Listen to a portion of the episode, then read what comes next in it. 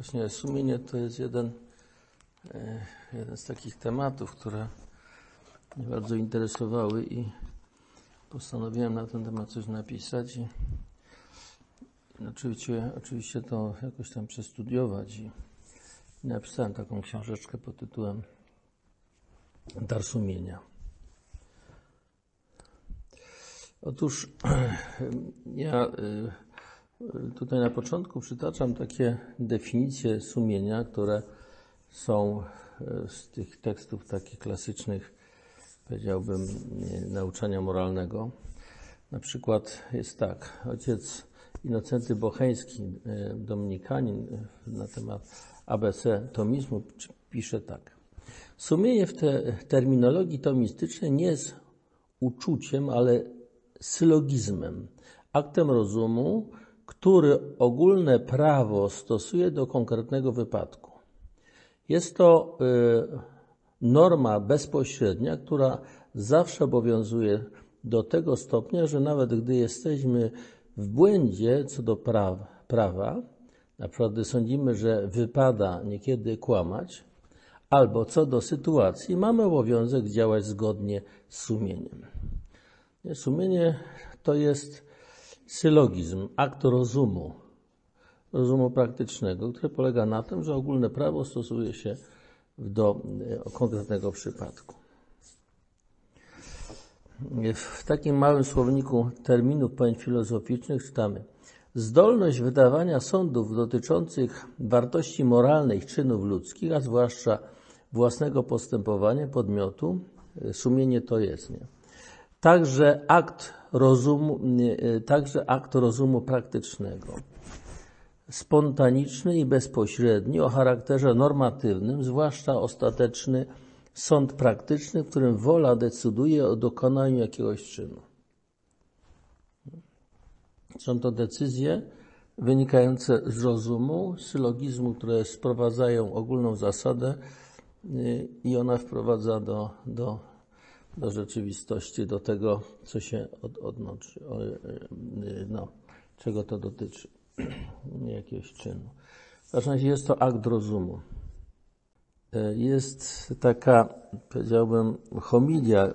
Wtedy, jak ja to robiłem, to żył Jan Paweł II i on, szukałem u niego też, jest taka homilia, którą wygłosił y, w Skoczowie i tam było o sumieniu ale też od razu poszedł papież w sumienie moralne.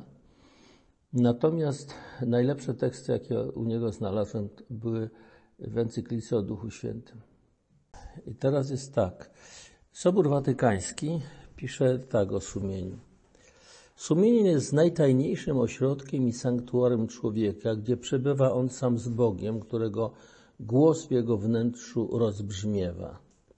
Zobaczcie, to zupełnie inne brzmienie Sumienie to jest najtajniejsze sanktuarium, gdzie człowiek przebywa sam na sam z Bogiem. Jak pamiętamy to, co mówiłem o sercu tutaj, no to y, tam też jest. Y, y, serce jest miejscem spotkania, przede wszystkim spotkania z Bogiem.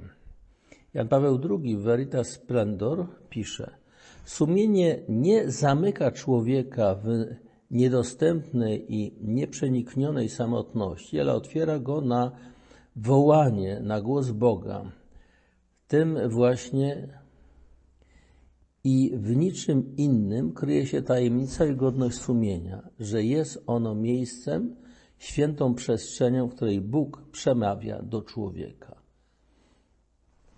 Najkrócej się mówi, że sumienie to jest głos Boga we wnętrzu człowieka. No i ono właśnie to jest to określenie. Natomiast, żeby przejść z tego tutaj do tego sylogizmu, no jest pewien problem, bym powiedział. Nie? Bo tutaj w ogóle w tym sumieniu, w tych definicjach y, nie ma mowy o Panu Bogu w ogóle. Nie było w żadnym momencie. To jakby to był rozum człowieka. I tak mówię, tutaj w tym, y, w tym, y, w tej encyklice Dominum et Vivificantum o Duchu Świętym najwięcej tekstów. Ja przytoczę tutaj niektóre z nich. Ten fragment z Ewangelii Jana, 16 rozdział. Jednakże mówię wam prawdę. Pożyteczne jest dla was moje odejście, bo jeżeli nie odejdę, paraklet nie przyjdzie do was. A jeżeli odejdę, to poślę go do was. On zaś, gdy przyjdzie, przekona świat o grzechu, o sprawiedliwości i o sądzie. O grzechu, bo nie wierzą we mnie. O sprawiedliwości zaś, bo idę do Ojca i już mnie nie ujrzycie. Wreszcie o sądzie, bo władca tego świata został osądzony. Jeszcze wiele mam wam do powiedzenia, ale teraz znieść nie możecie. Gdy zaś przyjdzie On, Duch Prawdy, doprowadzi was do całej prawdy. Bo nie będzie mówił od siebie, ale powie wszystko, cokolwiek usłyszy i oznajmi wam rzeczy przyszłe. On mnie otoczy chwałą, ponieważ z mojego weźmie i wam objawi. Wszystko, co ma Ojciec, jest moje, dlatego powiedziałem, że z mojego weźmie i wam objawi. Znaczy, oczywiście w tym momencie jest tak, że Duch Święty odmawia to, co bierze z Chrystusa, a Chrystus ma to wszystko od Ojca. Także to jest taki łańcuszek.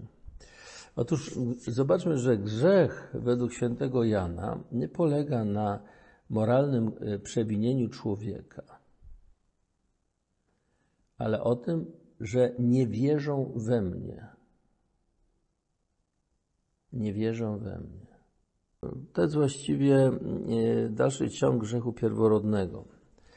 E, na czym on polega? W opisie rajskim jest tak, nie, że Bóg stworzył człowieka i tak dalej, umieścił w raju, tam Ewa się pojawia i ta e, Bóg przebywa z człowiekiem w sposób taki właśnie rodzinny, familiarny. No i w pewnym momencie pojawia się taka postać jak wąż, który mówi do Ewy, tam pierwsze pyta, czy to jest prawda, że y, nie możecie jeść owoców z drzew tego ogrodu. Nie? Mówi, że owszem, możemy jeść tylko z jednego drzewa i potem nawet się go dotykać, bo pomrzemy. I wtedy on mówi, e, na pewno nie pomrzecie, tylko wie Bóg, że jak zjecie, spożyjecie owoc tego drzewa, to będziecie tak on znali dobro i zło. Czyli będziecie mieć tą wiedzę pełną, a tym samym też władzę nad wszystkim. No i wtedy o co chodzi? Y, została podważana y, wiara, ufność człowieka wobec Boga. Podważana jego ufność, jego bezwarunkową, bez, bezinteresowną miłość do człowieka. Bo była zasugerowana interesowność. Bóg, owszem, ale chcę Was cały czas utrzymywać e, w takiej e, pozycji uzależnienia. Nie, nie dopuszcza Was do, do swojego poziomu, do tego, żeście byli na jego poziomie, tylko chce Was mieć zawsze jako grzeczne dzieci. Nie? Coś takiego. W każdym razie ta miłość nie jest taka pełna, bezinteresowna, tylko on ma interes w tym, żeby tych ludzi utrzymać. I teraz człowiek postanawia sam zdobyć tą, ten poziom Boży, być jakby konkurencją do Pana Boga w tym momencie, przez swoje własne działanie. I teraz yy, chodzi o taką rzecz, że Jezus przychodzi, yy, Syn Boży, staje się człowiekiem, przyjmuje całą kondycję ludzką. I tak Tutaj w tym, podczas ostatniej wieczy autor Ewangelii pisze, że umiłowawszy swoich do końca ich umiłował, do tego stopnia, że sam poddaje się tej śmierci niesprawiedliwego sądu, wyrok niesprawiedliwego sądu i tak dalej, śmierci na krzyżu, do tego stopnia, że zrównują go z, z, z przestępcami najgorszymi i tak dalej, odrzucają kompletnie. Problem polega na tym, że na krzyżu na krzyżu Chrystusa objawia się Jego miłość do końca. I to mało tego, że miłość do końca, tylko e, objawia się Jego zejście na dno. Mówimy, że potem Pan Jezus po śmierci wstąpił do piekieł. Wstąpił do piekła na krzyżu, bo tam doszedł do samego dna. Mianowicie nie tylko, że został zrównany z tymi z tymi przestępcami najgorszymi i tak dalej, najbardziej okrutną śmiercią y, zmarł, nie? Tylko jest napisane, to święty Paweł o tym pisze. Przypomina tekst y, z Księgi Powtórzonego Prawa. Przeklęty, kto zawisł na drzewie. Przeklęty to znaczy Bóg go przeklina. I teraz proszę zobaczyć, on, jest, on jako człowiek umiera. Jako człowiek. Wie, że idzie na krzyż. I tutaj trzeba widzieć tę modlitwę w ogrójcu. Ojcze, jeżeli to może oddam ten kleich. Nie cierpienie, jak to Gibson po prostu wlazł to cierpienie i robi z Chrystusa herosa cierpienia. Tysiące ludzi poumierało na krzyżu i, i, i, i mnóstwo też przeżywało te same cierpienia w sensie fizycznym. Tylko chodzi o taką rzecz, że on jako człowiek zna ten tekst i śmierć na krzyżu jest przekleństwem. Znaczy, to, że on zawisi na krzyżu, na drzewie, znaczy, że jest przeklęty przez Boga. Mesjasz nie może być przeklęty. Do dzisiaj y, krzyż jest przekleństwem. Jest bluźnierstwem dla Żydów i dla Mahometan. Dlaczego bluźnierstwem? Bo my uważamy, że na krzyżu, na drzewie zawisł Mesjasz Izraela. A przeklęty, kto zawisł na drzewie, czyli przeklęty przez Boga, no Mesjasz nie może być przeklęty, więc po prostu to, że my mówimy, że Mesjasz y, umarł na krzyżu, jest bluźnierstwem. Tak oni uważają. Stąd oni walczą z krzyżem. To jest powód, dla którego walczą z krzyżem. Do dzisiaj. Ortodoksyjni Żydzi i, i, i Mahometanie podobnie. I Chrystus sobie z tego zdawał sprawę. Także ta jego miłość do końca idzie do tego stopnia nawet, że on przyjmuje to przekleństwo, tak święty Paweł potem. I on stał się dla nas przekleństwem, aby wyzwolić nas z przekleństwa prawa. Tak święty Paweł, to jest chyba w liście do Galatów pisze. I dopiero w tym kontekście trzeba rozumieć. I o co chodzi? On zszedł na, sam, na samo dno w tym momencie. Nie ma większego dna, już nie ma większego, powiedziałbym, dna niż to, że, że nie tylko, że się jest policzonym jak zbrodniarz i tak dalej, ale że się jest przeklętym przez Boga.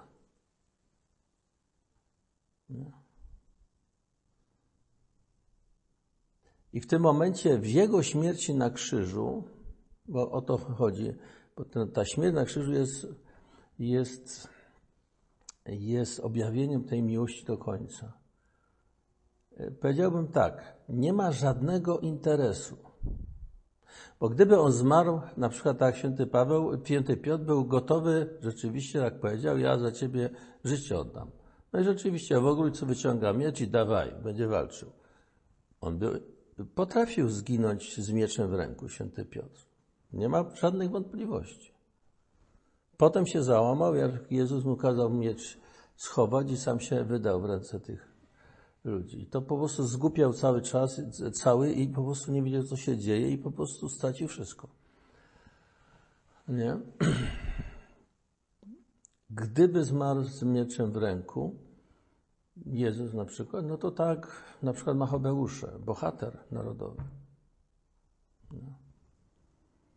Gdyby nawet był ukamienowany, bo właściwie jako bluźnierca, bo on został skazany jako bluźnierca, gdyby został ukamienowany jak Szczepan, to można by jedną rzecz zrobić, wiecie, po, pokazać, no tak, ten wyrok był niesprawiedliwy i sprawiedliwy został ukamienowany, tak jak niektórzy prorocy zostali zlikwidowani. Nie?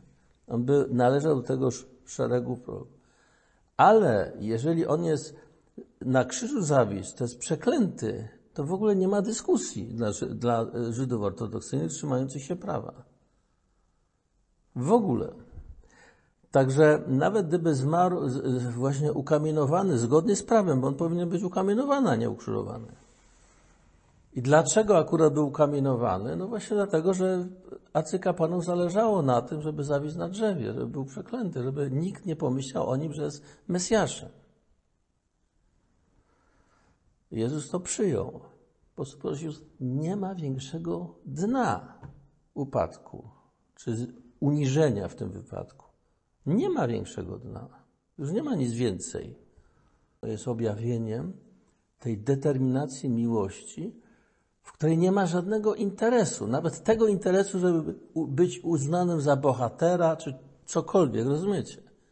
Kompletnie, absolutnie nie ma żadnego interesu. Piotr potem idzie na krzyż, ale to już jest po krzyżu Chrystusa i to sobie uważa za chwałę. Ale w momencie, kiedy Chrystus umierał, to była czysta hańba i przekleństwo. I teraz, jak tu mówi, o grzechu, bo nie wierzą we mnie. Rozumiecie? Nie uwierzyli w tak daleko idącą miłość Boga, że syna swego dał. Nie uwierzyli w tą prawdę, w tą absolutną bezinteresowną, nawet cały czas tkwią w tej pokusie węża. Nie zdali sobie sprawy, że ta Boża miłość może iść aż tak daleko. O sprawiedliwości zaś, bo idę do Ojca. To znaczy, to pójście do Ojca jest potwierdzeniem, że ta miłość do końca jest przez Boga przyjęta jako ofiara, jako, jako ta miłość do końca. Ja mówię, to, to był Y, śmierć na krzyżu y, to, była, to był czyn boski. Oczywiście z jednej strony on jest osobą, synem Bożym, w tym sensie boski, że syn, ale to nie o to chodzi. Chodzi o to, że on to dokonuje jako człowiek. A ponieważ dokonał czegoś, co jest absolutną miłością, to w tym jest czyn boski. I to zostało przez Ojca przyjęte. Bo on poszedł do nieba jako ten, który jest i Bogiem i człowiekiem, z, z tym swoim człowieczeństwem. I to jest sprawiedliwość. Na tym polega, że Bóg tą miłość do końca y, wywyższył, nie? uznał. Wreszcie o sądzie, bo władca tego świata zostanie osądzony.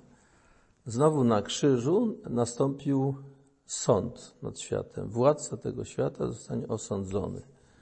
Dlatego, że pokazała się cała przewrotność jego kłamstwa, y, tej pokusy, którą zrobił, cała jego przewrotność. Ta miłość do końca Boga objawiła tą przewrotność y, y, władcy tego świata, czyli szatana.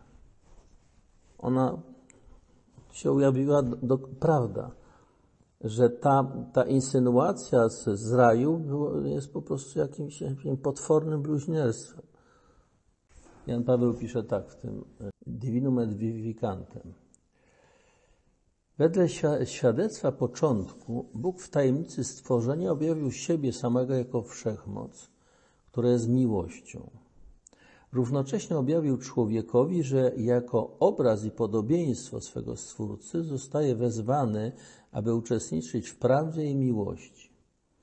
Uczestnictwo to oznacza życie w zjednoczeniu z Bogiem, które jest życiem wiecznym. I dalej. Człowiek został obdarowany szczególnym obrazem i podobieństwa Boga. Oznacza to nie tylko rozumność i wolność jako konstytutywną właściwość natury ludzkiej. Oznacza to zarazem od samego początku zdolność obcowania z Bogiem na sposób osoby jako ja i ty. Filozofia dialogu. Oznacza również zdolność do przymierza jakie ma ukształtować się wraz ze zbawczym udzielaniem się Boga człowiekowi. Na gruncie obrazu i podobieństwa Boga dar ducha oznacza wreszcie wezwanie do przyjaźni, której nadprzyrodzone głębokości Boże zostają niejako gościnnie otwarte dla uczestnictwa ze strony człowieka. Uczy Sobór Watykański. Bóg niewidzialny w nadmiarze swej miłości zwraca się do ludzi jak do przyjaciół i obcuje z nimi, aby ich zaprosić do wspólnoty z sobą i przyjąć ich do niej. Potem dalej. Duch ciemności potrafi ukazać Boga jako przeciwnika swego stworzenia, a przede wszystkim przeciwnika człowieka, jako źródło niebezpieczeństwa i zagrożenia dla człowieka. Pokusa w raju. W ten sposób zostaje zaszczepiony przez szatana w psychice człowieka bakcyl sprzeciwu wobec tego, który od początku ma być przeciwnikiem człowieka, a nie ojcem.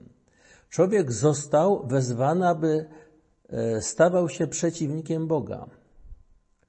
Za sprawą ojca kłamstwa pójdzie przez dzieje ludzkości całe ciśnienie w kierunku odrzucenia Boga przez człowieka aż do nienawiści.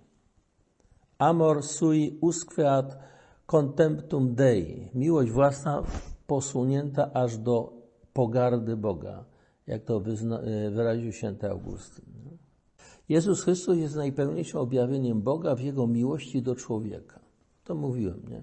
Objawieniem konkretnie widzialnym poprzez słowo i czyn. Krzyż Jezusa staje się dowodem tej miłości do końca. Nie? I teraz dlatego właśnie jądrem grzechu jest kłamstwo, odrzucenie tej prawdy o Bogu i pójścia za podszeptem szatana, ojca kłamstwa, aż, do, aż po stawanie się przeciwnikiem Boga. Ten grzech wyraża się bardzo różnymi postaciami. Nie tylko deklarowaną niewiarą i odrzuceniem Boga.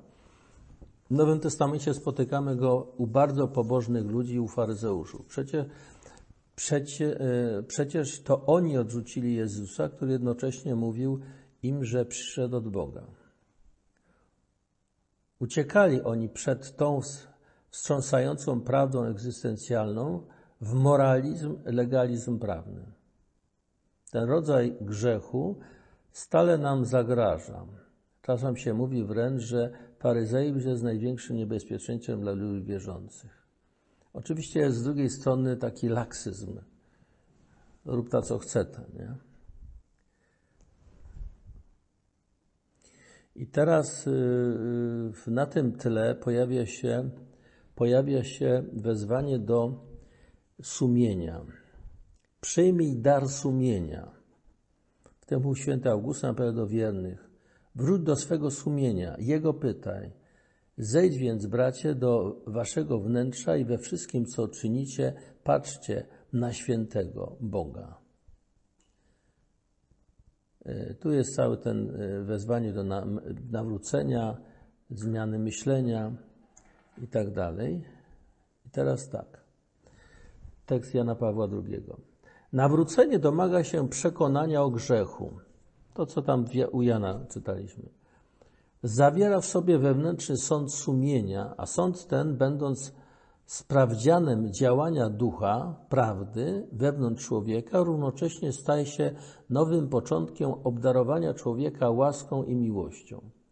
Weźmijcie Ducha Świętego.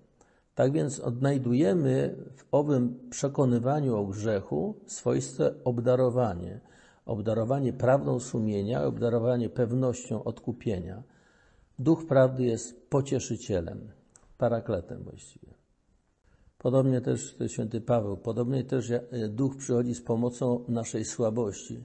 Gdy bowiem nie umiemy się modlić jak trzeba, sam Duch przyczynuje się za, mnie, e, za nami w, w błaganiach, których nie można wyrazić słowami.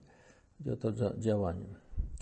Tylko Duch Święty może przekonać o grzechu ludzkie, e, ludzkiego początku, ponieważ On właśnie jest miłością Ojca i Syna, ponieważ On jest darem. A grzech ludzkiego początku polega na zakłamaniu i odrzuceniu daru oraz miłości, które stanowią o początku świata i człowieka. Stworzony obraz Boga człowiek zostaje przez Ducha Prawdy obdarowany sumieniem. O, tu się zaczyna sumieniem. A żeby y, obraz, jaki człowiek, jakim człowiek jest, wiernie odzwierciedlał swój pierwowzór, który jest zarazem mądrością i prawem, odwiecznym źródłem ładu moralnego w człowieku i w świecie. Nieposłuszeństwo jako wymiar y, pierworodny grzechu człowieka oznacza odcięcie tego źródła, aby samemu stawiać się autonomicznym i wyłącznym źródłem stawania o tym, co dobre i zło, stanowienia o tym, co dobre i złe. Tak, przyjąć dar sumienia. Tutaj e, trzeba powiedzieć, że e, ja tutaj nie chcę tego wszystkiego rozwijać, ja bym tylko poczytał te teksty Jana Pawła II.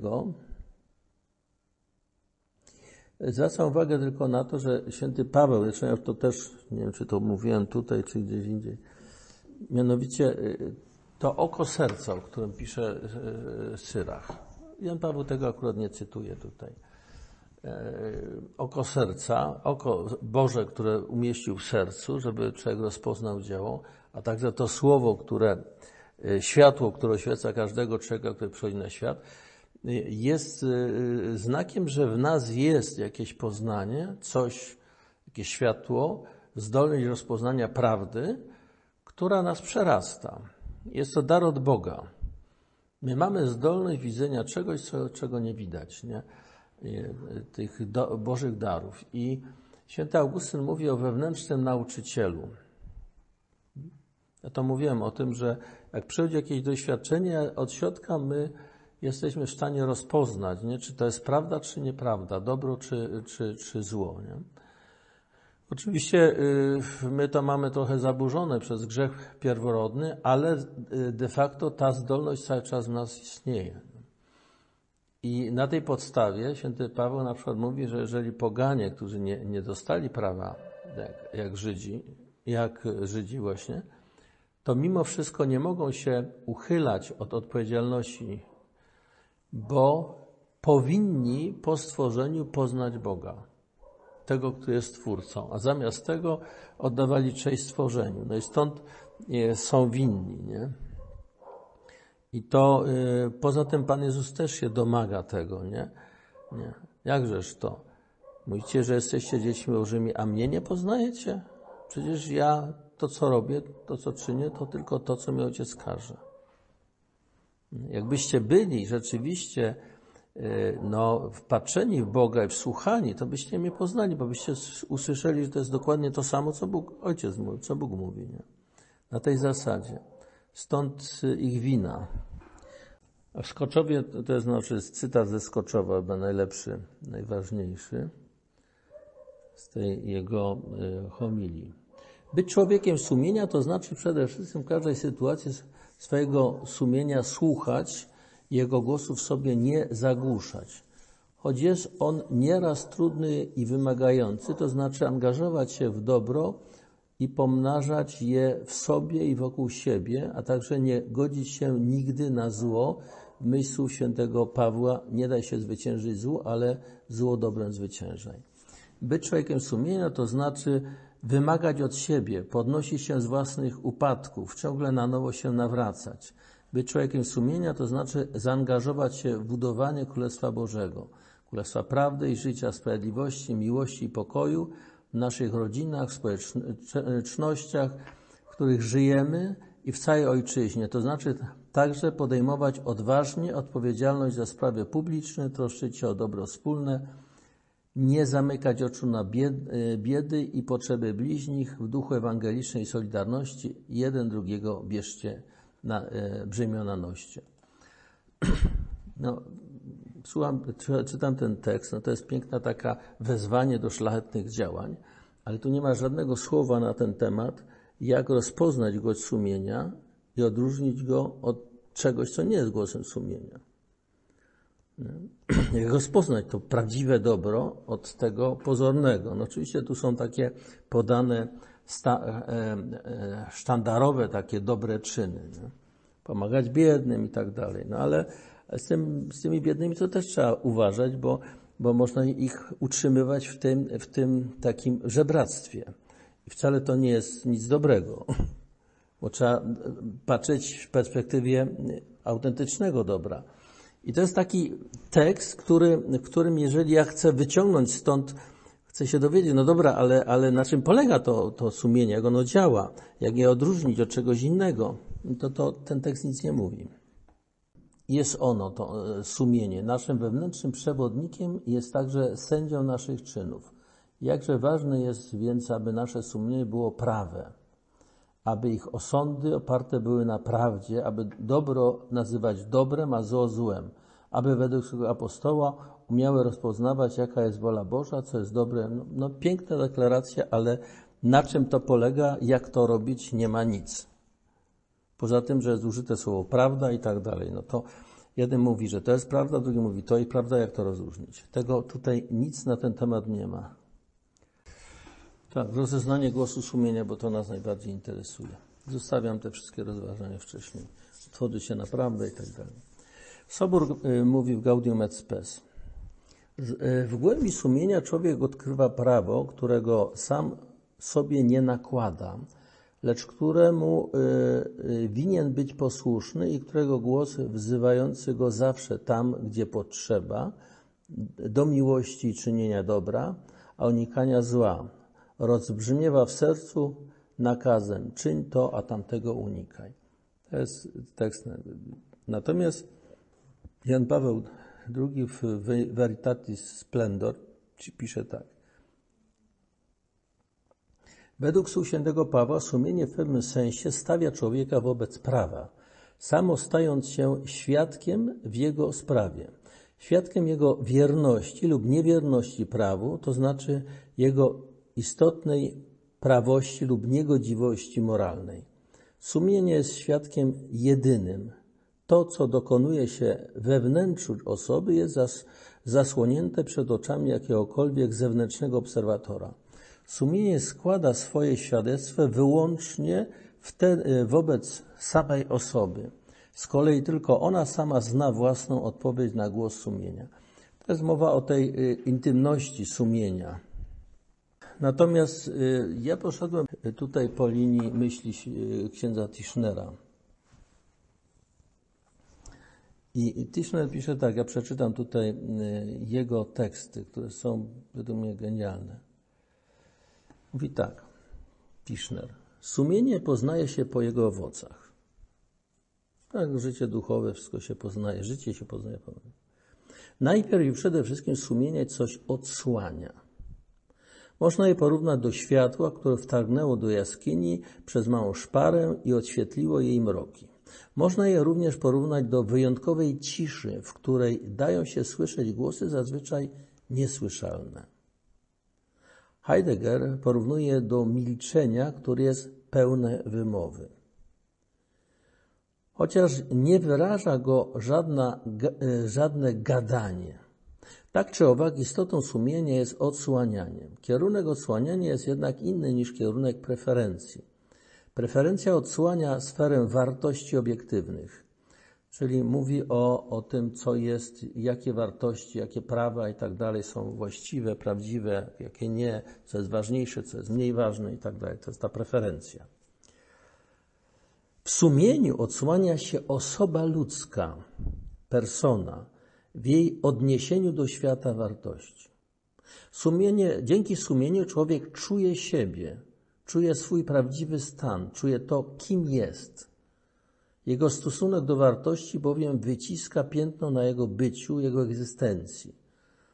No to jak weźmiemy tą przypowieść o miłosiernym Samarytaninie, nie? to ten, który przeszedł obok, czuje, że stał się obcy. Czuje, że zrobił coś, że tutaj y, nie pomógł, a miał pomóc. Czuje swoją jakąś winę za to. Ten, który y, pomógł, Samarytanin, czuje, że zrobił to, co miał zrobić. Rozumiecie? I to jest, tak działa sumienie. Sumienie nie mówi, y, że jeżeli ktoś leży i tak dalej i jest potrzebie, to trzeba mu pomóc, rozumiecie? Ono nie mówi. I że to jest ważniejsze od tych twoich interesów, z którymi akurat idziesz tam coś załatwić. Że w związku z tym to jest ważniejsze od tamtego, powinieneś to zrobić. Tu nie ma takiej logistyki żadnej, nie? Tylko jest yy, yy, yy, kim się człowiek staje, podejmując albo nie podejmując coś. Nie? Dzięki sumieniu człowiek czuje siebie, czuje swój prawdziwy stan, czuje to, kim jest. Jestem bliźnim albo jestem obcym, obojętnym, martwym. Nie?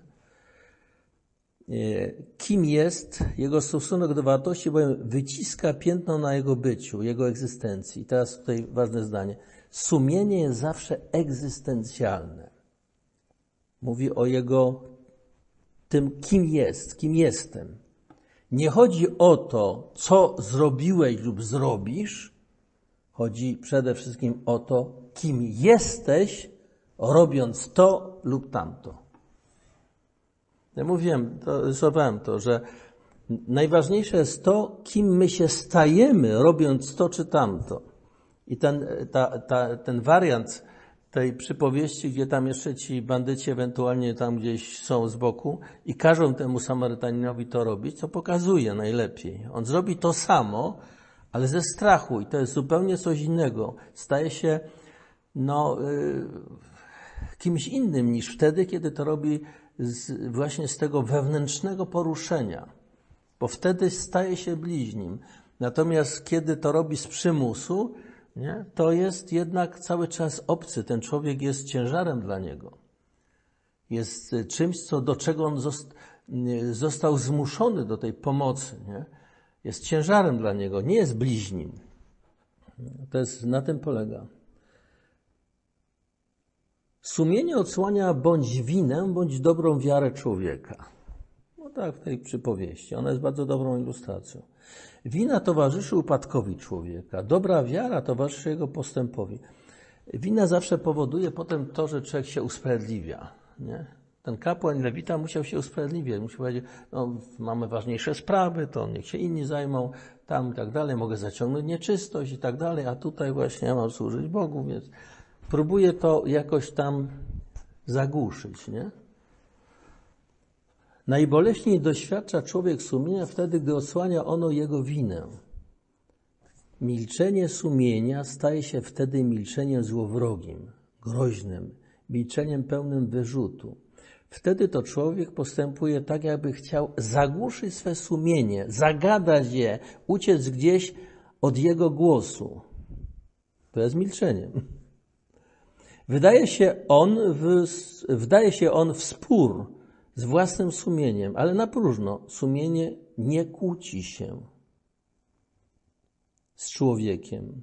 Na wszystkie jego wyjaśnienia i wytłumaczenia, na każde nie mogłem, byłem zmuszony, nie zauważyłem, sumienie odpowiada wielkim, przejmującym milczeniem, z którego rośnie wina człowieka. Mimo, że sumienie milczy, jego milczenie ma sens. Sens ten można również y, różnie ujmować. Szczególnie trafna jest formuła Heideggera.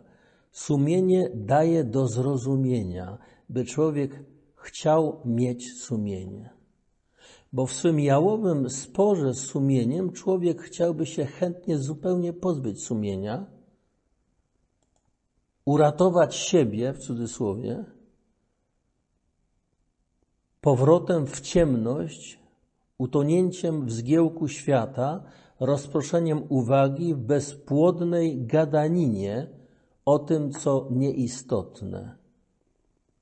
Stąd przejmujące milczenie, które przychodzi z drugiej strony świata, milczenie pełne wymowy, chciej mieć sumienie. Gdzie jesteś? Tutaj to gdzie jesteś nawiązuje do tego raju. Adamie, gdzie jesteś? Jak Bóg przychodzi do raju. Adamie, gdzie jesteś? I to, jest, to też jest bardzo ładny e, wyraz tego, e, no, e, tego egzystencjalnego wymiaru. Gdzie jesteś? Kim się stałeś? Gdzie jesteś? Przez to, że tak czy inaczej zachowałeś się. Nie? Sumienie przez milczenie mówi więcej niż jesteśmy w stanie ująć, zrozumieć. I ja osobiście y, uważam, że jest tak, ponieważ sumienie milczy, a ta wymowa tego milczenia jest o wiele głębsza niż my jesteśmy w stanie wyartykułować, to tak naprawdę dzieje się w ten sposób, że jeżeli my stajemy w tej sytuacji i jest to sumienie, które milczy, my je y, próbujemy zwerbalizować. I najczęściej to, co się tam mówi o tym, że sumienie to jest ten sylogizm czy y, rozum praktyczny, to, e, to uważa się tą naszą werbalizację tego milczenia sumienia za to sumienie jako takie, za samo sumienie. Natomiast jest to de facto nasza werbalizacja, nie zawsze i niekoniecznie e, najbardziej trafna, jeżeli chodzi o, o sam głos sumienia, bo on jest, on jest głębszy i szerszy niż my sobie jesteśmy w stanie to pojąć i, i, i zrozumieć. Natomiast my sobie to musimy zwerbalizować, zracjonalizować w jakiś sposób, żeby, żeby to miało dla nas konkretne znaczenie. Bo to, ten głos sumienia, tak jak mówi, on jest o wiele głębszy niż my jesteśmy w stanie to zrozumieć. Natomiast właśnie y, istotne jest to, że sumienie się poznaje po owocach. Jakie są owoce działania? Co z niego pozostaje? Niepokój, lęk, czy odwrotnie, pokój i radość. I tutaj są, tutaj bardzo istotne jest otwarcie, które polega na zgodzie, by zostało osądzone moje serce. Po prostu na zgodzie na głos sumienia. Pragnienie usprawiedliwienia siebie jest ogromną siłą, która chce zagłuszyć wszelki, wszelką krytykę i osąd, a tym samym sumienie. Ma ono różne formy i charakter zaprzeczenia faktom, tłumaczenie swoich intencji, oskarżania innych, chowanie się za literą prawa itd. Tak Są bardzo różne formy tego wszystkiego. Niemniej ucieczka zawsze zdradza niepokój, który często wyraża się chęcią wytłumaczenia. Natomiast otwarcie się na prawdę, uznanie jej przez wyznanie w skrusze własnej winy przynosi ostatecznie pokój. Po owocach się poznaje. Jak człowiek zadziała zgodnie z sumieniem, nagle nie ma całego napięcia, lęku, że człowiek zostanie obnażony, że zostanie powiedzmy skrytykowany, wyśmiany, czy w ogóle, tylko po prostu człowiek jest taki, jaki jest i, i to wszystko odchodzi i po prostu jest spokój. I teraz wobec fałszywych głosów sumienia. Czym jest sumienie? No, można zobaczyć e, najlepiej w zestawieniu z sumieniem, e, e, z fałszywym sumieniem, jakim jest na przykład wspomniane wyżej superego, czy sumienie totalitarne, które, potrafi, które potrafią wytworzyć w człowieku inżynierowie sumienia w totalitarnych społeczeństwach. Tak jest to, jest coś takiego, takie pojęcie albo zwykłe myślenie kierowane kompleksami, zranieniami czy skrupułami. Te ostatnie mają w sobie coś z natręctwa, y, wprowadzającego niepokój do serca. Nękają nas nieustannie wyrzutami, jak mogłeś tak się zachować, tak się nie robi, co inni o tobie powiedzą. Charakterystyczne jest przy tym, że człowiek czuje się wówczas pod pręgierzem sądu staje przed Trybunałem jakiejś wyobrażonej zbiorowości albo kogoś konkretnego, wraca do sytuacji, skręca go wewnętrznie, zrobił coś, czego się nie robi, bo nie wypada, bo tak się nie wolno i tak dalej. Bo co ludzie powią i, i, i tego typu rzeczy. Ważne przy tym jest brak miłosierdzia. Ocena negatywna jest bezwzględna. Podobnie wówczas, gdy czujemy nakaz czynienia czegoś, i on także jest natrętny, bezwzględny, e, nielitościwy. Przy czym zarówno nakaz, jak wyrzut mogą dotyczyć postępowania, gestu, wypowiedzi dobrej lub złej w sensie moralnym. Na przykład wśród młodzieży w wielu grupach nie wypada być grzecznym, uprzejmym i pilnym uczniem. Presja środowiska wytwarza taki wewnętrzny mechanizm. To samo może dotyczyć cudzysłowie dobrych zachowań, na przykład wykonywania w pewnych sytuacjach pobożnych gestów, których kiedy indziej nie wykonujemy. Gestów, e, bo nie czujemy się do nich przymuszeni. Niezależnie od tego, czego skrupuły dotyczą, charakterystyczne jest jego natręctwo i niepokój. Sumienie nie gada, nie. Ono milczy, a z jego milczenia rośnie wina lub dobra wiara człowieka. Wina skłania do skruchy, do wyznania jej. Ta potrzeba świadczy o całkowicie osobowym wymiarze głosu sumienia. Wyznanie, do którego sumienie skłania, skierowane jest do kogoś, kogo pragniemy błagać o przebaczenie i przywrócenie więzi miłości. Sumienie nie, nie, nie daje nam drogi do załatwienia sprawy.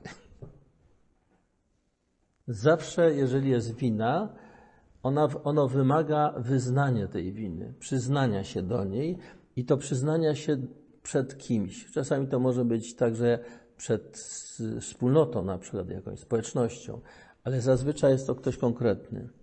Każde wyznanie ze swej istoty jest wyznaniem miłości. Wyznanie z istoty swojej jest wyznaniem miłości. Tak samo jak wyznanie wiary, jak wyznanie no, tam, miłości w małżeństwie, ale wyznanie grzechów także jest wyznaniem miłości z istoty swojej. To nie chodzi o, o właśnie my mamy takie fatalne, wiecie, określenie, rachunek sumienia. Bilans moich złych i dobrych zachowań ewentualnie. No, po prostu buchalteria sumienia. Więc po prostu to są fatalne określenia. Fatalne. Właśnie problem polega na tym, że wyznanie grzechów jest, y, y, nie ma nic w sobie z tego. Jest zawsze u podstaw y, wyznanie, że się zraniło miłość, że się zdradziło miłość. To jest istota tego wyznania. Tak jest przy wyznaniu, jakie oblubienie jest choroba oblubienicy. Podobnie wyznanie wiary także jest wyznaniem miłości, bo wiara w sensie biblijnym oznacza zawierzenie, ufność, nie? przylgnięcie do kogoś. Wyznanie winy z kolei, będąc wyznaniem zdrady, jednocześnie jest pragnieniem odrodzenia więzi miłości. Sumienie zna wskazać osobowe i pierwotnie odnosi się do relacji osobowej. Jego wyrzut wskazuje przede wszystkim na zdradę a wtórnie dopiero na przekroczenie prawa. W ten sposób sumienie jest stróżem więzi osobowej człowieka z Bogiem. Dlatego autentycznego głosu sumienia należy szukać w wątku osobistych odniesień do Boga. Każdy w swoim życiu nieraz doświadczył osobistych wezwań pochodzących od Boga. Jak na nie odpowiadamy? Co robimy z nimi później, gdy uchylamy się od autentycznej odpowiedzi? Reakcja na te pytanie ujawnia nasze otwarcie na głos sumienia albo wskazuje na próbę jego wyeliminowania. Sumienie nie pyta, gdzie jesteś, kim się stajesz, zagłuszając wewnętrzny głos. Pytanie to, e, pytanie jest pełne troski e, i wezwania do powrotu. Zawsze jest ono wezwaniem prowadzącym do wolności człowieka. Nigdy nie jest zniewalające, nie jest siłą, która zmusza. Wyczuwa się w nim nadzieję na miłosierdzie, przebaczenie i wolność. To nasz bunt wewnętrzny, który w istocie jest naszym udziałem w odrzuceniu miłosiernego Boga, nie pozwala się nam uniżyć i wyznać grzech. Jeszcze lepiej widać działanie sumienia, kiedy doszło do wyznania winy, jak mu jak już mówiliśmy, przynosi ono wówczas pokój i radość, które są znakiem prawdziwego działania Ducha Świętego w naszym sercu. Powodza się poznaje. Sumienie zawsze przynosi takie, taki pokój i, i, i, i radość. Radość wynika z poczucia wolności, nie? odzyskania wolności. To, że człowiek przerósł swój lęk, strach i, i nagle po prostu y, jest w prawdzie, nie? Daje mu to wolność. Wydaje się, że y, w wielu przypadkach fałszywe, y, fałszywie za sumienie uważa się natrętne mechanizmy wewnętrzne. Stąd trudności w mówieniu o sumieniu i apelowanie do niego. Jeżeli ktoś rozumie pod słowem sumienie owe mechanizmy, to ten apel brzmi jak farsa, Obuda, e, obudna próba manipulacji, wprowadzenia człowieka w kompleksy i skrupuły, uczynienia go zalęknionym i podatnym na sterowanie przez tych, którzy ustalają normy. Myślę, że współczesny bunt wobec moralnych apeli, jaki można dzisiaj dostrzec, tutaj ma swoje korzenie.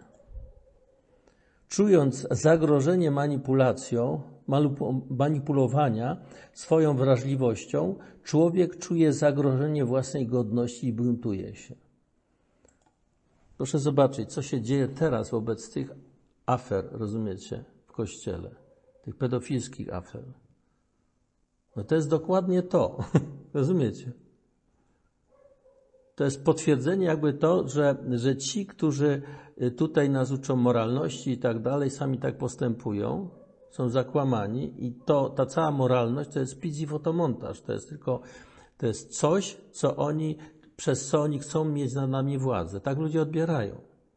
I teraz, jak my patrzymy na tych zbuntowanych, jako właśnie na tych niegodziwców, tych y, grzeszników i tak dalej, to trzeba zrozumieć, że oni mają y, duże podstawy. Oni po prostu to przeżywają i, i widzą w obłudę i oni się buntują przeciwko tej obłudzie. I to jest zdrowa reakcja, przepraszam, ale tak jest. No to jest zdrowa reakcja. I nie można tak łatwo upraszczać sprawy i powiedzieć, że, że to oni są niegodziwi, bo oni są właśnie zdemoralizowani i tak dalej. Niestety, a księża sobie z tego nie zdają sprawy. I od razu, jeżeli ktoś tam po prostu się nie zgadza, buntuje się, to go przekreśla, nie? I od razu do piekła go odsyła praktycznie rzecz biorąc. Chcę być wolny, chcę sam do, decydować o swoich wyborach. Taki bunt okazuje się e, prowadzi często do innego zniewolenia, bardziej postępnego, bo bardziej zakamuflowanego, nieświadomego. Kiedy to wyborami w sposób jeszcze bardziej bezwzględny rządzą anonimowe, nie ujawniające się e, wprost autorytety, mody, naciski grupy, podsuwane kalki myślowe i tak. Ludzie, y, to jest, jest taka książka Froma, Ucieczka od wolności. On o tym pisze, że ten anonimowy autorytet jest o wiele bardziej bezwzględny niż autorytet, który człowiek sam wybiera. Bo jak wybiera, to człowiek przynajmniej wie, co wybrał i, i zna treść i, i, i wagę jakby tego. Natomiast ten anonimowy autorytet jest absolutnie bezwzględny i wpycha człowieka właśnie w te struktury takie superego, czy jakieś inne e, takie struktury przymusowe.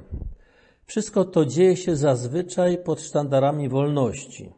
Tym bardziej jeszcze. To to widać po prostu.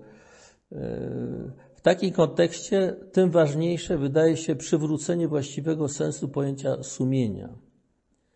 W opozycji do głosu sumienia pojawia się e, wewnątrz nas inny głos, pokusa która e, to jest znowu inna opozycja. Ja chcę pokazać działanie sumienia na zasadzie opozycji do czegoś przeciwnego. Tych głosów, które są zniewalające i po, mało tego, po zrobieniu czegoś zgodnie z, powiedzmy, z tym naciskiem superego, czy tych, tych różnych takich układów, tych, co ludzie powiedzą, człowiek się nieswojo czuje, nie czuje się dobrze. Czuje, że uległ presji, że został zniewolony że został no, spętany jakimiś tam układami, układzikami. W sumieniu czuje wolność i, i taką y, y, no, pokój i wolność. Natomiast, a teraz y, inne przeciwieństwo jest sumienie, głos sumienia i głos pokusy, które jest, no, no, prowadzi do grzechu, która do czegoś skłania. Pozwolę sobie przytoczyć fragment znakomitego tekstu na ten temat. To jest tekst, kochani, Pola Jewdokimowa, o którym tu mówiłem. Piękny tekst na temat działania pokusy. Asceci drobiazgowo opisują postępy zła. Obnażają w sumie dosyć prostacką technikę czy mechanizm kuszenia.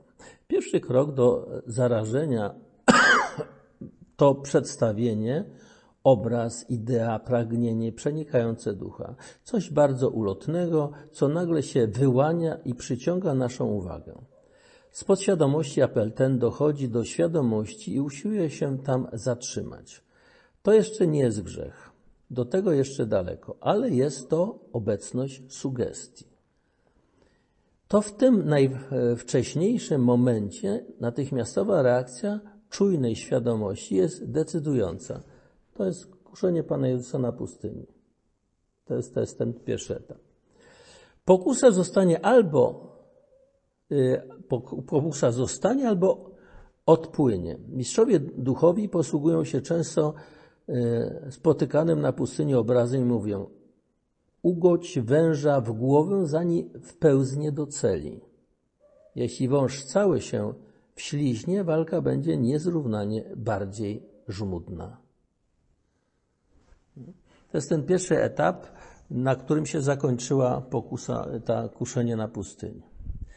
Jeśli uwaga nie zareaguje, faz, następną fazą jest upodobanie. Uwaga życzliwa wobec kuszącego nagabywania rozpoczyna przyjemny, przyjemną grę i staje się podstawą dwuznacz, postawą dwuznaczną. Będąc już wspólniczką, święty Efrem mówi o miłej rozmowie duszy z uporczywą sugestią. Przyjemność przez antycypację chwilowo w wyobraźni znaczy trzeci etap. Milcząca zgoda E, niewyznawane przyzwolenie kieruje ku spełnieniu, które ocenia się jako możliwe, ponieważ namiętne, namiętnie godne pożądania. W zasadzie decyzja już została podjęta. Przy rzeczywistym podążaniu danego obiektu, pożądaniu danego obiektu grzech dokonuje się w umyśle. To słowa Ewangelii o nieczystym spojrzeniu, w którym cudzołóstwo już zostało popełnione. W czwartej fazie dany akt konkretnie się dokonuje. Stanowi on początek namiętności, pragnienie odtąd nieugaszone. Namiętność, stawszy się przyzwyczajeniem, neutralizuje wszelki opór. Osoba rozpala się przy przyznaniu do bezsilności, zostaje zniewolona i zmierza ku nieubłaganemu końcowi rozpaczy, straszliwej acedii, niesmakowi albo niepokojowi serca, szaleństwo lub, samobu, szaleństwu lub samobójstwu, tak czy inaczej ku duchowej śmierci. Akt grzechu samego jeszcze jest, to jest małe piwo. W tym, w tym dążeniu chodzi do, o, o to, żeby człowiek stał się od tego grzechu zależny do tego stopnia, tak na przykład alkoholik, nie jest w stanie z niego wyjść. I wtedy się załamuje jego ufność w możliwość wyjścia, pojawia się rozpacz, która prowadzi właśnie aż do samobójstwa i tak dalej. Taki jest, taka jest logika. No to ten tekst jest według mnie bardzo dobry. Krótki, a bardzo dobrze opisuje. Pokusa sprytnie podsuwa coś, sugeruje, działając na naszą porządliwość. Zawsze działa ona zgodnie z naszymi upodobaniami, pragnieniami, wyobrażeniami. Sumienie, czy to, y, to y, wzywając nas do podjęcia czegoś, czy to wskazując nasze słabości i zło, o których nie chcielibyśmy słyszeć i często wręcz panicznie bronimy się przed ich uznaniem, wymaga od nas trudu, decyzji, wbrew naszym upodobaniom i oczekiwaniom. To jest ta różnica konkretna. Pokusa zawsze idzie po linii przyjemności upodobania, nie? zaspokojenia czegoś tam. Sumienie na początku zawsze nie jest miłym e, głosem dla nas. Bo albo wymaga od nas wysiłku, robienia czegoś, a nam się nie chce, albo jest wyrzutem y, przypominającym, że coś żeśmy zrobili, zaniedbali i tak dalej, a my tego też nie chcemy o tym pamiętać, jest ten. Pokusa natomiast przeciwnie, żaruje na upodobaniach. Stojący za nią szatan bardzo łatwo potrafi się ukryć, bo to sama nasza porządliwość nas kusi i zachęca do przekroczenia przykazania. Tak było w raju w scenie kuszenia Ewy. Szatan nie mówi zerwij. On jedynie podważa wiarygodność słów Boga. Ewę skusiły jej własne porządliwości. Jej własna porządliwość. Pokusa obiecuje coś dobrego, przyjemność, łatwo osiągalną, jednocześnie bagatelizuje trudności i opory moralne. rozpoczyna się od wstępnego dialogu, który wytwarza wyobrażenie. Akcent pada na przyjemność. Głos sumienia przeciwnie, nie daje łatwego, łatwej pociechy. Czasami wręcz przeraża nas trud, na przykład ciężarem wyznania winy, uniżenia się. Przerażenie samo jest pokusą przeciwną sumieniu.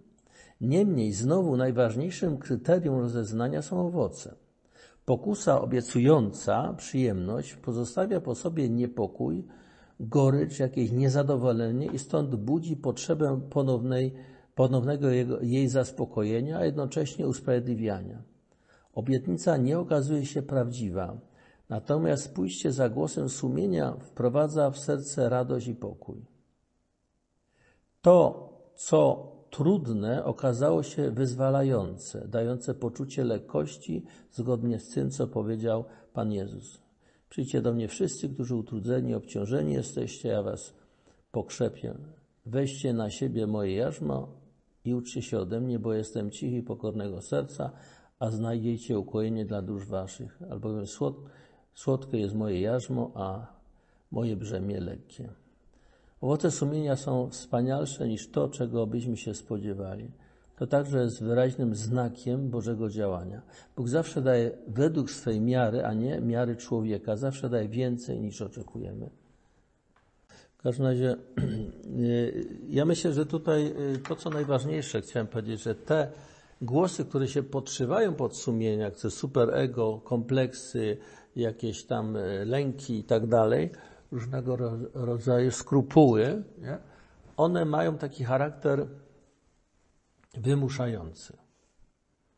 Sumienie taktyczne mówi, milczy, ono nie gada, budzi niepokój. Owszem, my, werbalizując ten głos sumienia, yy, konkretyzując go, możemy doświadczyć tego jako właśnie takie yy, no, zresztą my możemy to w też kategoriach tego superego czy czegoś innego go y, odczytać, też fałszywie odczytać ten głos sumienia, który jest głębszy niż nasza racjonalizacja, nie? I stąd może też być taki, taki efekt troszeczkę jakby przymusu, nie? Natomiast y, najlepiej się właśnie poznaje po owocach. Bo jak człowiek działa zgodnie z sumieniem, człowiek doświadcza pokoju i takiej wolności, radości. Nie? Słuchanie się w. Poznanie i wyznanie własnego grzechu jest y, niezbywalnym etapem drogi duchowej. Dlatego do podstawowej praktyki należy stawanie w sumieniu przed Bogiem. Zazwyczaj jesteśmy przyzwyczajeni do określenia rachunek sumienia. Należy ono do jednych z mało zgrabnych określeń religijnych. W naszym języku funkcjonuje ich więcej, jak na przykład niedziela. Sama nazwa wskazuje na niepodejmowanie w tym dniu pracy. Nie jest to jednak najważniejsza, najważniejszą treścią tego dnia. Łacińskie określenie Dominika, Dzień Pański, wskazuje na potrzebę szczególnego uczczenia w tym dniu Boga – o wiele lepiej oddaje charakter dnia. To taka, taka przy okazji na marginesie moja uwaga. Określenie rachunek sumienia sugeruje jakieś rozliczenie w sumieniu, rodzaj duchowego buchalterii czy roztrząsania moralnych ocen naszego postępowania. Taka ocena niewątpliwie jest ważna, ale nie na tym polega najważniejsza funkcja sumienia. Moralna ocena czynów powinna nam pomóc odnieść się odnaleźć się na właściwej drodze do Boga. Często jest ona pierwszym drogowskazem, jednocześnie wyznacza krawędzi drogi. Natomiast skoncentrowanie się jedynie na moralnej ocenie wartości postępowania często zawęża horyzont widzenia, a nawet jak to było u faryzeuszy za czasów Pana Jezusa, może zaciemnić spojrzenie, nie pozwalając zobaczyć prawdy o życiu. Nie? Nie, nie, nie pozwala im y, jakby zadziałać sumieniu, które mówi, że y, tutaj potrzeba miłości, miłosierdzia, nie? Tylko to prawo, y, normy zaciemniają to. Powodują, że człowiek przestaje czuć potrzebę miłosierdzia. Zagłusza to. Kiedy odkryliśmy już dar sumienia i pragniemy z niego skorzystać, to podstawową postawą wobec niego jest wsłuchanie się w nie, bo jak mówi o nim, kate, y, nim katechizm, jest ono, jak pamiętamy, ośrodkiem, gdzie człowiek przebywa z Bogiem i gdzie rozbrzmiewa jego głos. To jest cytat z kateizmu. Dotychczasowe rozważania pomagają nam zrozumieć, co oznacza wsłuchać się w sumienie.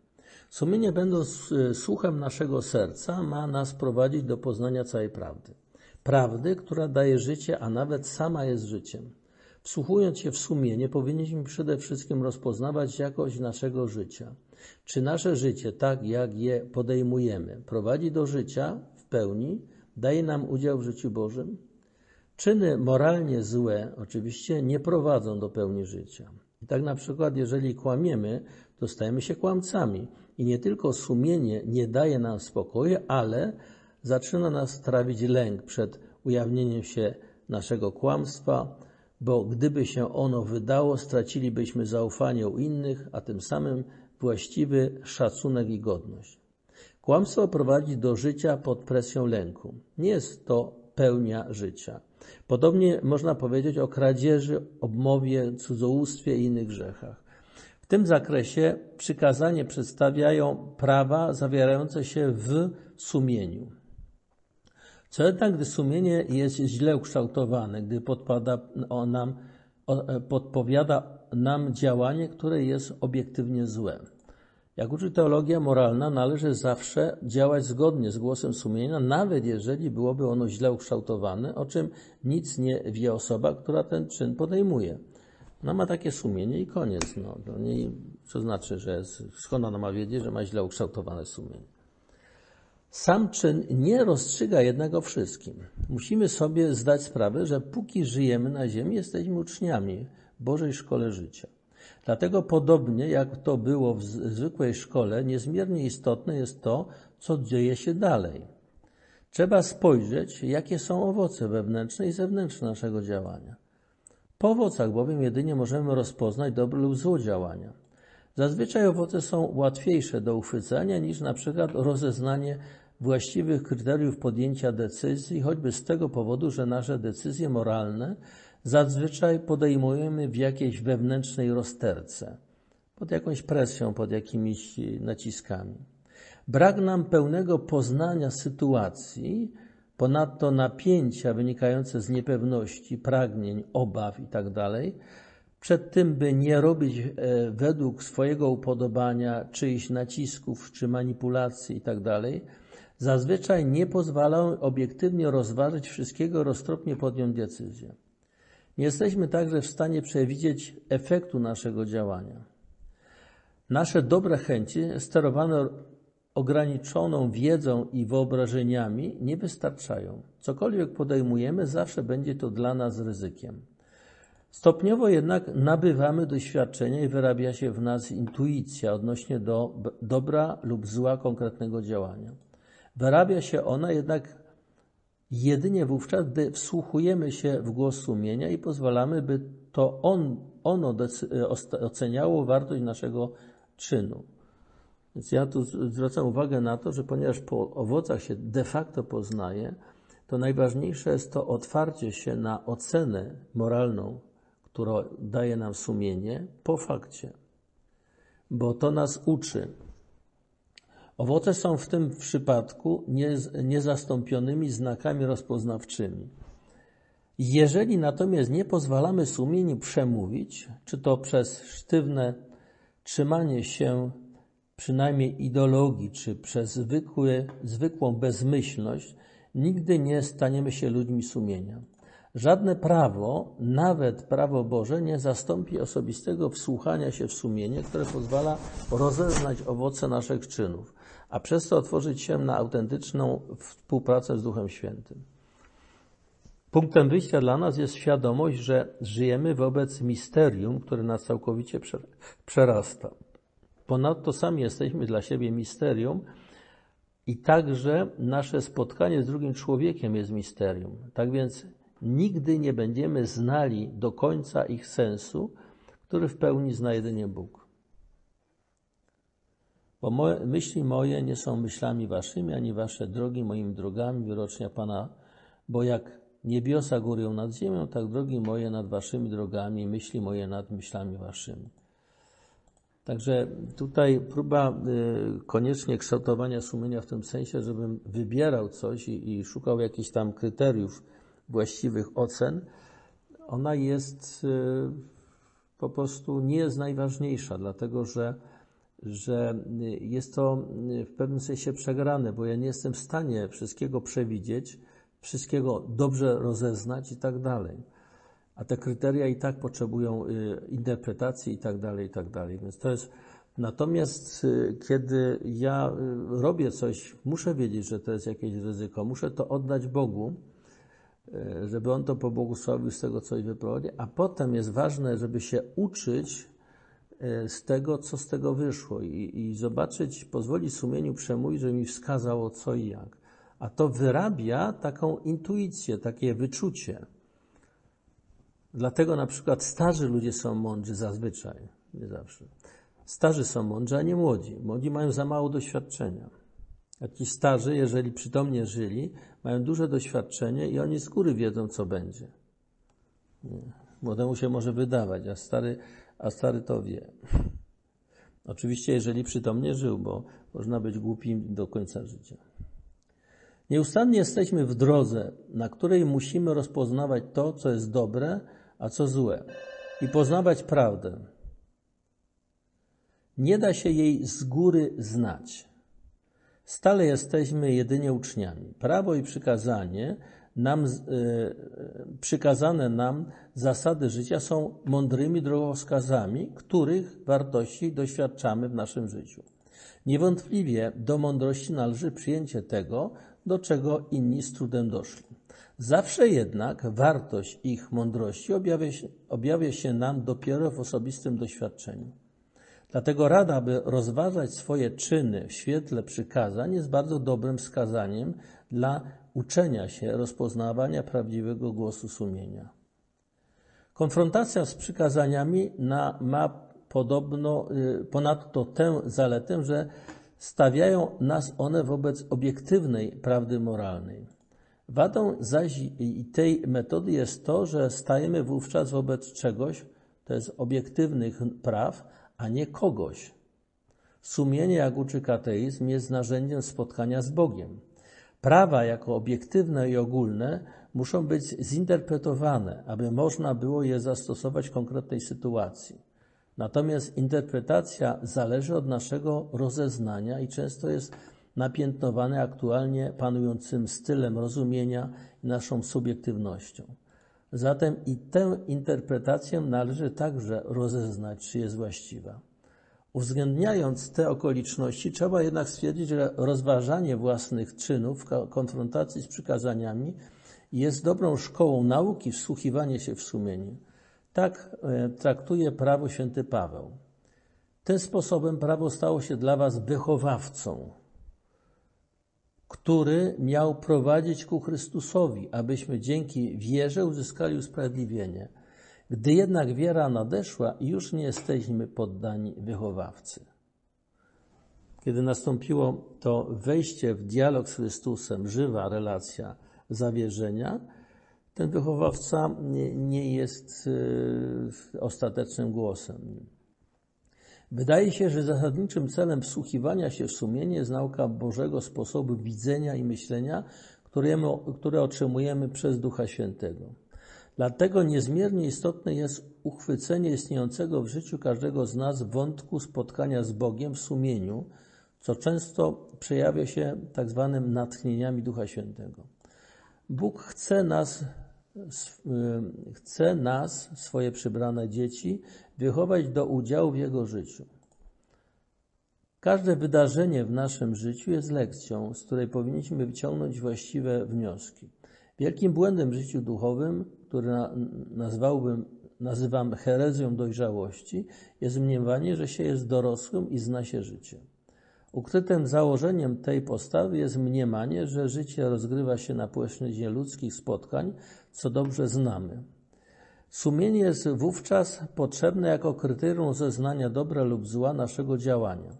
Takie podejście koncentruje człowieka wokół spraw o rację i uzasadnienie moralne czynów. Kto miał rację, kto zrobił dobrze, a kto źle, kto jest winny. To oczywiście często prowadzi do sporów i chęci przeforsowania swojej racji. Największy błąd tej postawy polega jednak na pysze, w której nie umiemy uznać faktu, że jesteśmy dziećmi, uczniami. Zaprawdę powiadam wam, kto nie przyjmie Królestwa Bożego jako dziecko, ten nie wejdzie do niego. Tu po, y, powracam do tego, o co chodzi. Y, tutaj ja to nazywam y, herezja dojrzałości, to znaczy ona jest, ona na przykład jeżeli ktoś mówi, że jest sumienie dobrze ukształtowane i ktoś wreszcie wie, że ma dobrze ukształtowane sumienie, to jest dokładnie ta herezja dojrzałości. Nie? wchodzi w to, w gruncie rzeczy gdzieś tam w, zacznie się ta pycha, y, będzie tutaj rozstrzygał, co dobrze, to złe i tak dalej. Natomiast Pan Jezus mówi, nie sądźcie. Rozumiecie? I to nie chodzi tylko o to, żeby osądzać innego jakoś w ten sposób grzeszyć, tylko chodzi o to, że, że y, w tej postawie człowiek jest zamknięty na to, co Bóg do niego chce powiedzieć. I to jest najgorsze w tym, bo uważa się za mądrego. Wszyscy jesteśmy uczniami w szkole Bożego Życia. Szkoła ma to do siebie, że nie jest jeszcze prawdziwym życiem dojrzałego człowieka, który spełnia w społeczeństwie określone funkcje. Uczeń jedynie przygotowuje się do tego, dlatego też ma prawo, ma pewne prawa. Nie musi się wykazać doskonałością w działaniu.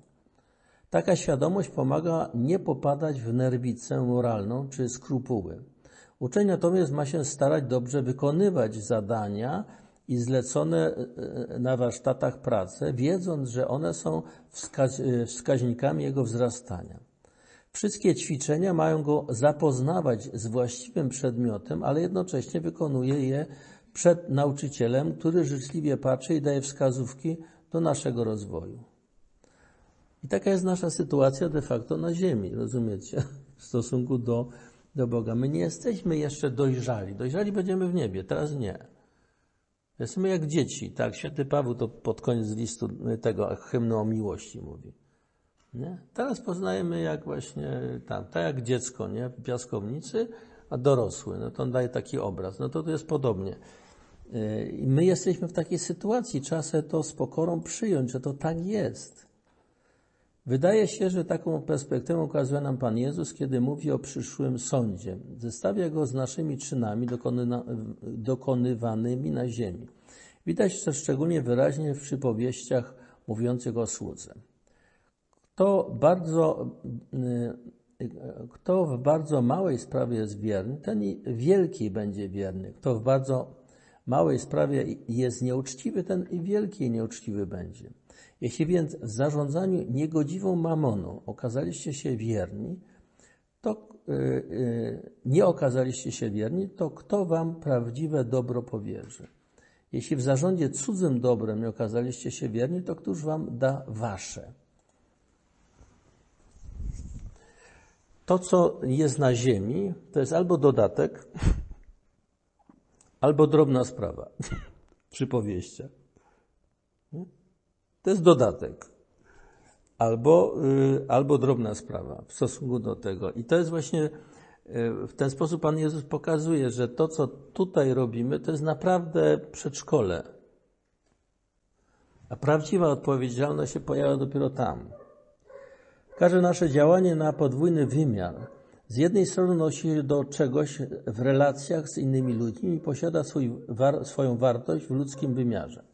Z drugiej zaś strony ma ono swój sens w kontekście naszego spotkania z Bogiem, nauczycielem, który przekazał nam zasady życia prawdziwego i z ojcowską miłością stara się nas prowadzić przez doświadczenie do pełnej prawdy.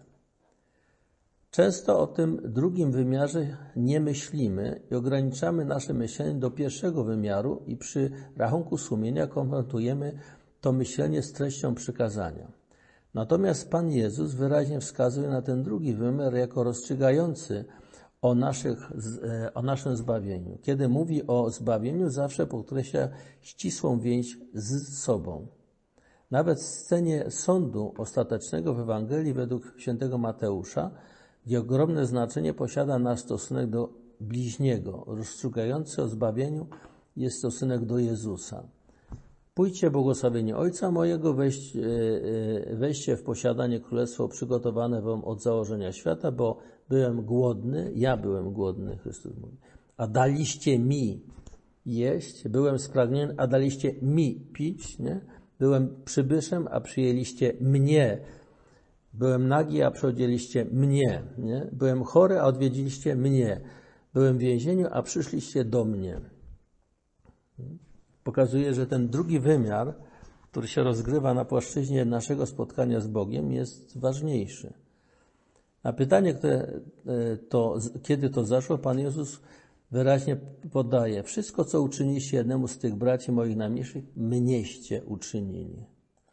Oba wymiary, oba wymiary naszego działania są zatem ze sobą ściśle powiązane. Istotne zatem jest rozpoznanie, że istnieje w nas wątek spotkania z samym Bogiem, wpisany w zwykły wątek naszego życia w spotkaniu z innymi ludźmi. Rozpoznanie tego Bożego wątku jest zasadniczą sprawą konfrontacji z sumieniem.